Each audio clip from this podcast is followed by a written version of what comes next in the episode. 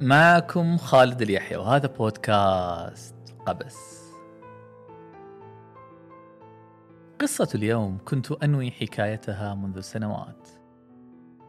بعد أن رويت تفاصيلها في محاضرة نوادر العباقرة والمهووسين.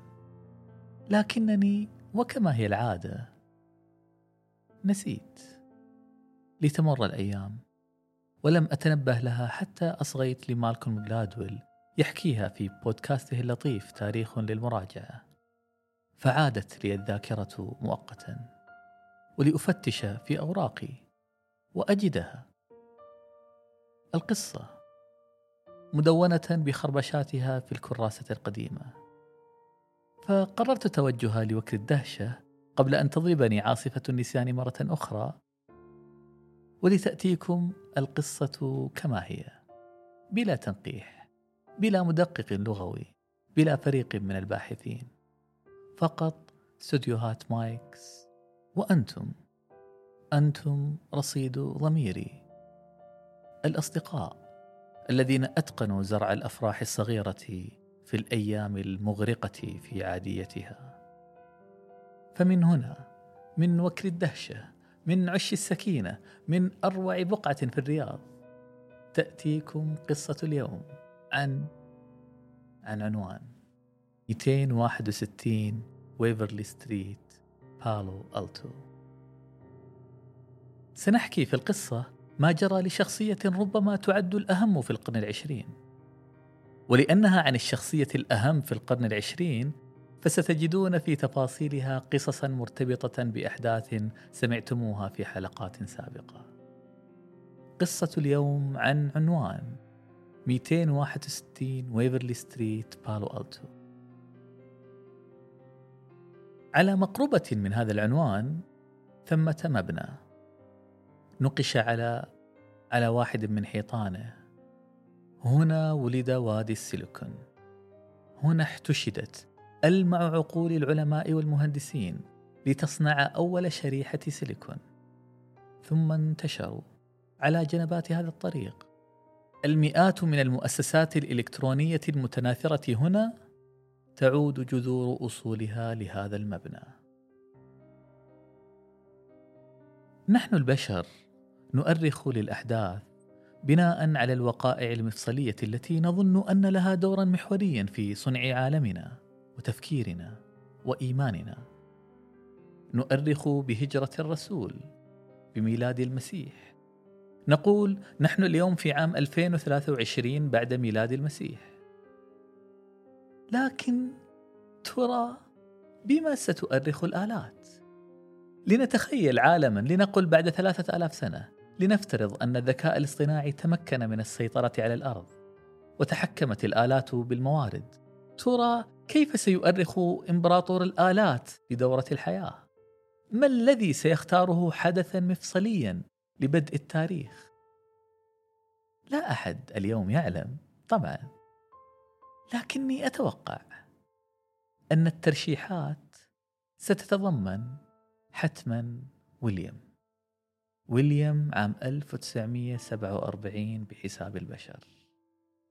1947 قد تكون سنة الصفر. سينقسم عالم الآلات للعالم ما قبل ويليام والعالم بعد ويليام.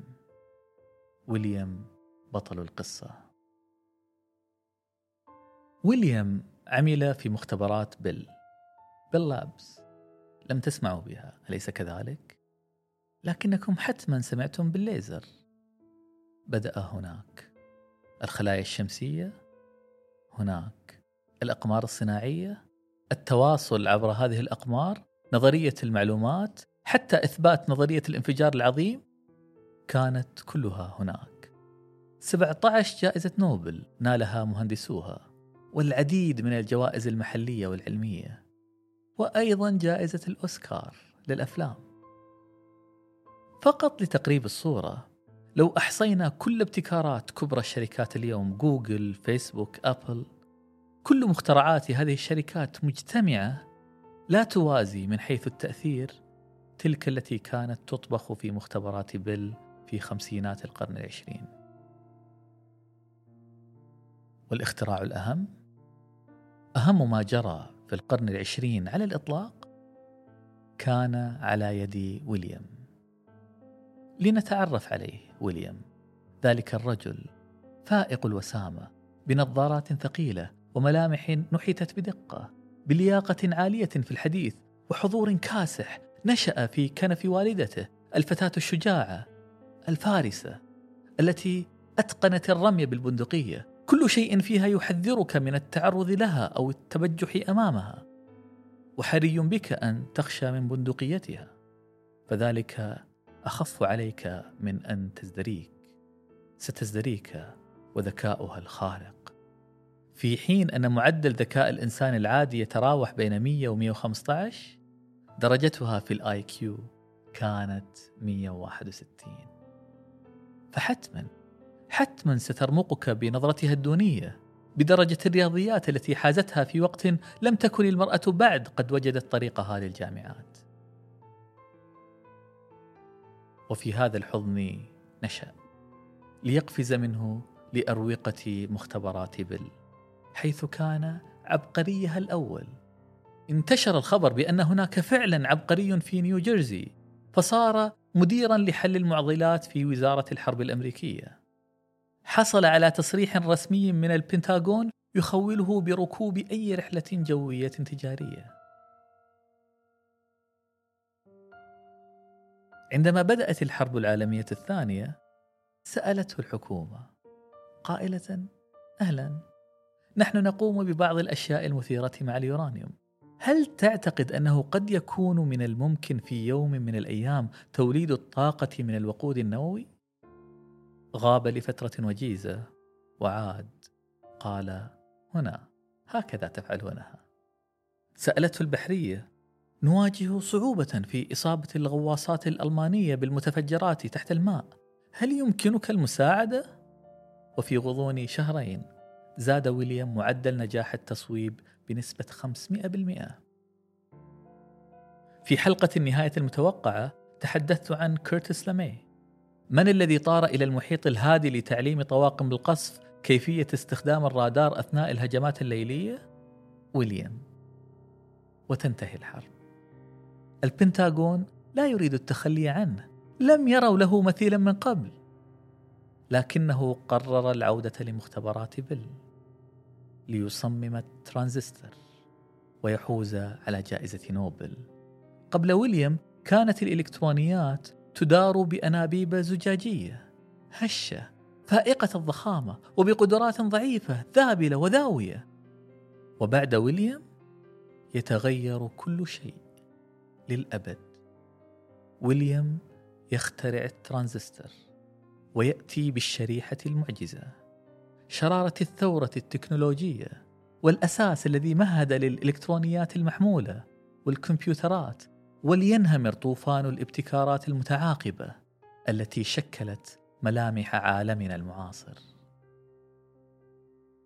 في عام 1947 ويليام شوكلي يخترع الترانزستور. لكن هذه القصة لنتذكر ليست قصة الترانزستور هي قصة عنوان 261 ويفرلي Street بالو ألتو.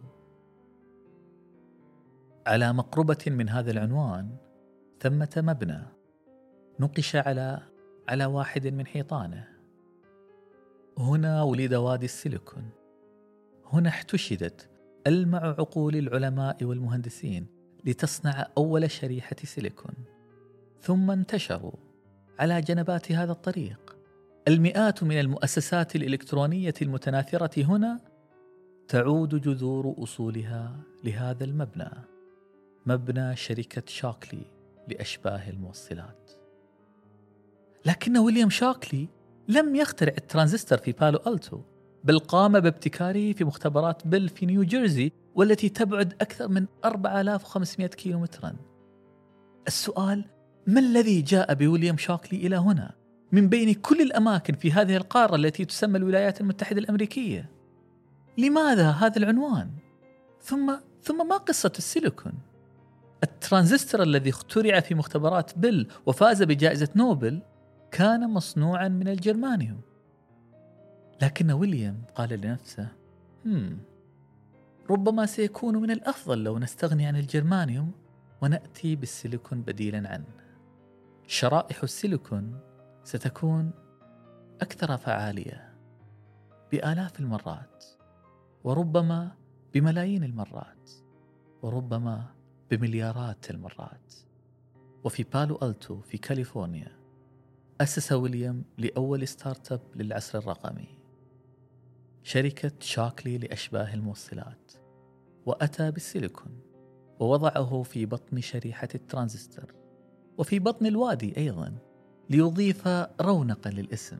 لا يمكن أن تتخيل جمال هذا الاسم إلا حين تقارنه بالاسم الأصلي البشع تخيل لو كان اسم الوادي وادي الجرمانيوم. حتما لن تكون له نفس الحظوة. لكن لم هنا؟ وحتما سيراودك هذا السؤال عندما تزور وادي السيليكون لأول مرة. ما أن تهبط في مطار سان فرانسيسكو وتتجه جنوبا على highway 101 سيطوقك ضباب يحجب الرؤية. والزحام. الزحام الكريه. مولات الدور الواحد على طول الطريق من جهة ومكاتب مصمتة بلا هوية على الجهة الأخرى.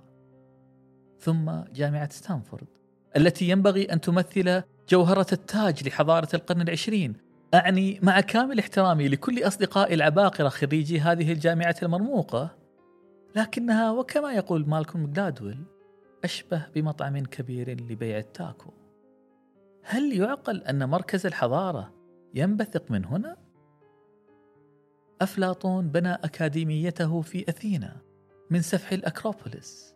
الحضارة الإسلامية تتجلى في قرطبة وفي قصورها الباذخة. التنوير وليوناردو في فلورنسا وبقباب مذهلة في ألوانها الانطباعية في باريس أيقونات معمارية وبؤر جمالية. وعندما نصل للقرن العشرين حضارة الكمبيوتر العصر الرقمي نذهب لوادي السيليكون فلا نرى سوى ساحات كبيرة لمواقف السيارات. و Best Buy ومطاعم In-N-Out للبرجر. ما هذا المكان؟ ولماذا يا ويليام شاكلي جئت هنا؟ أنت صنعت الترانزستور في مختبرات بيل في نيو جيرسي المحاذية لنيويورك هناك IBM القرب من نفوذ واشنطن العاصمة ومراكز صنع القرار عقود وزارة الحرب الأمريكية لديك رأس المال التمويل الخبرات. ما الذي يجعلك تسافر آلاف الكيلومترات لهذا الوادي حيث لا توجد إلا مزارع للفواكه والطماطم حتى الأفوكادو؟ لم يكن قد وجد طريقه بعد لهذه البقعة. وصل ويليام شاكلي لهذا الوادي وبعبقريته الفذة مضى. مضى ويليام شاكلي يستميل نابغة تلو الآخر لعقيدته الكمبيوترية. تخيل ذلك العبقري النابض بالحيوية الفائق الوسامة. بنظارات ثقيلة وملامح نحتت بدقة بلياقة عالية في الحديث وحضور كاسح يدخل عليك وأنت أفضل طالب في الجامعة يأتيك ويقول أنا ويليام شاكلي أمثل المستقبل هل ستعمل معنا في شركة شاكلي لأشباه الموصلات؟ فانضوى تحت رايته الكثير من الحواريين تكونت تحت إمرته كتيبة النوابغ ثم نصل الآن للصفحة المعتمة. اسأل أي شخص حولك عن ويليام غالبا سيجيبك مستنكرا. شاكلي؟ من يكون هذا؟ إن لم تكن متخصصا في هندسة الكمبيوتر والكهرباء وقريبا من الفيزياء إن لم تكن إمبراطورا للآلات سيكون من المستبعد أنك سمعت باسمه. لماذا؟ لأن هناك جانبا آخر لويليام شاكلي الجانب المستتر شاكلي كان عتلا جواظا مستكبرا غليظ القلب يثور لأتفه الأسباب ساحر في إغوائه لكل تلك العقول الشابة اللامعة لكن بمجرد وصولهم سرعان ما يكتشفون أنه الوحش الموهوم بالمؤامرات التي تحاك ضده. في حادثة الدبوس الذي جرح السكرتيره راوده الشك في أن العاملين أرادوا تدبير محاولة لاغتياله. فهرب من جحيمه الوظيفي العشرات. العشرات من العباقرة الذين كان قد استقطبهم ولم يستطيعوا أن يطيقوا العمل معه. نويس ومور على سبيل المثال. اسسا شركة إنتل. شركة إنتل العملاقة. كان من تلاميذه. مور صاحب القانون الشهير الذي تولى عملية الزيادة الفائقة للترانزستورات في الشريحة فقفز عددها خلال 30 سنة من ألف ترانزستور في الشريحة إلى مليار ترانزستور في الشريحة الواحدة. القانون سمي باسم قانون مور. وليس باسم قانون شاكلي.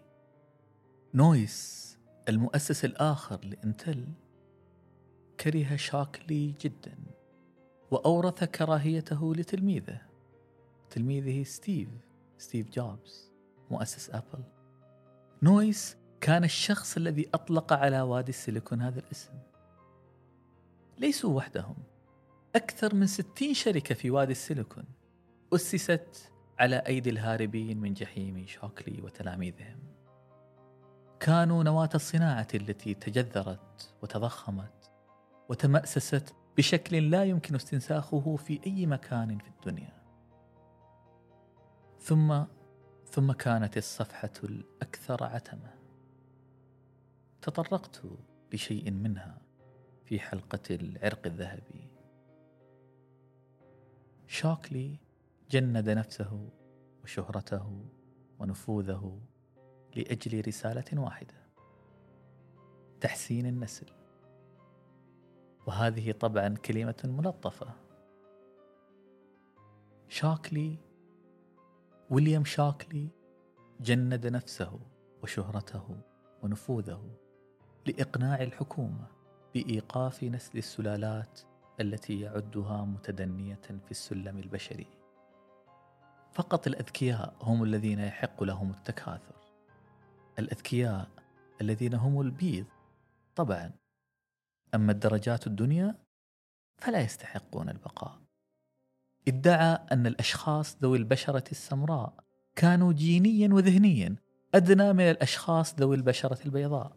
حاول إقناع الحكومة بأن تعطي مقابلا ماليا للسمر كي يتوقفوا عن التكاثر. ويحفظ بذلك الجنس البشري. ومثل كل أتباع تلك المدرسة كان دائما ما يؤكد أنه ليس عنصريا وأن آراءه علمية وتدعمها البيانات. وانتقل من كونه الفيزيائي بالمؤهلات الأكاديمية التي لا تشوبها شائبة إلى واعظ جدلي يثير الاحتجاجات ويستدعي الذم والسخرية. لأكثر من عشرين سنة. ازدراه أصدقاؤه. سحبت منه ميداليات التكريم. حتى أبناؤه لم يعلموا عن وفاته إلا عندما نشر نعيه في الصحف. تلك كانت قصة ويليام شاكلي. والتي لم نجب فيها حتى الآن. لماذا اختار المجيء لهذا الوادي في كاليفورنيا؟ لكي نعرف السبب سنرجع لأرشيف رسائله. صناديق وصناديق ما زالت محفوظة في مكتبة ستانفورد العريقة يمكن فهم سيرة ويليام شاكلي من خلالها. أعني تلك الرسائل التي كان يرسلها لوالدته العبقرية. شاكلي فاز بجائزة نوبل. ترى من سيخبر؟ اتصل بها ثم كتب تلغرافا. أماه مبروك. يحق لك الفخر. أصبحت أما لنوبلي. تشعر بدفقة الفرح. تغمر الأم بإنجاز ابنها الوحيد. الرسالة موجهة للأم إلى السيدة شاكلي. العنوان 261 ويفرلي ستريت بالو ألتو.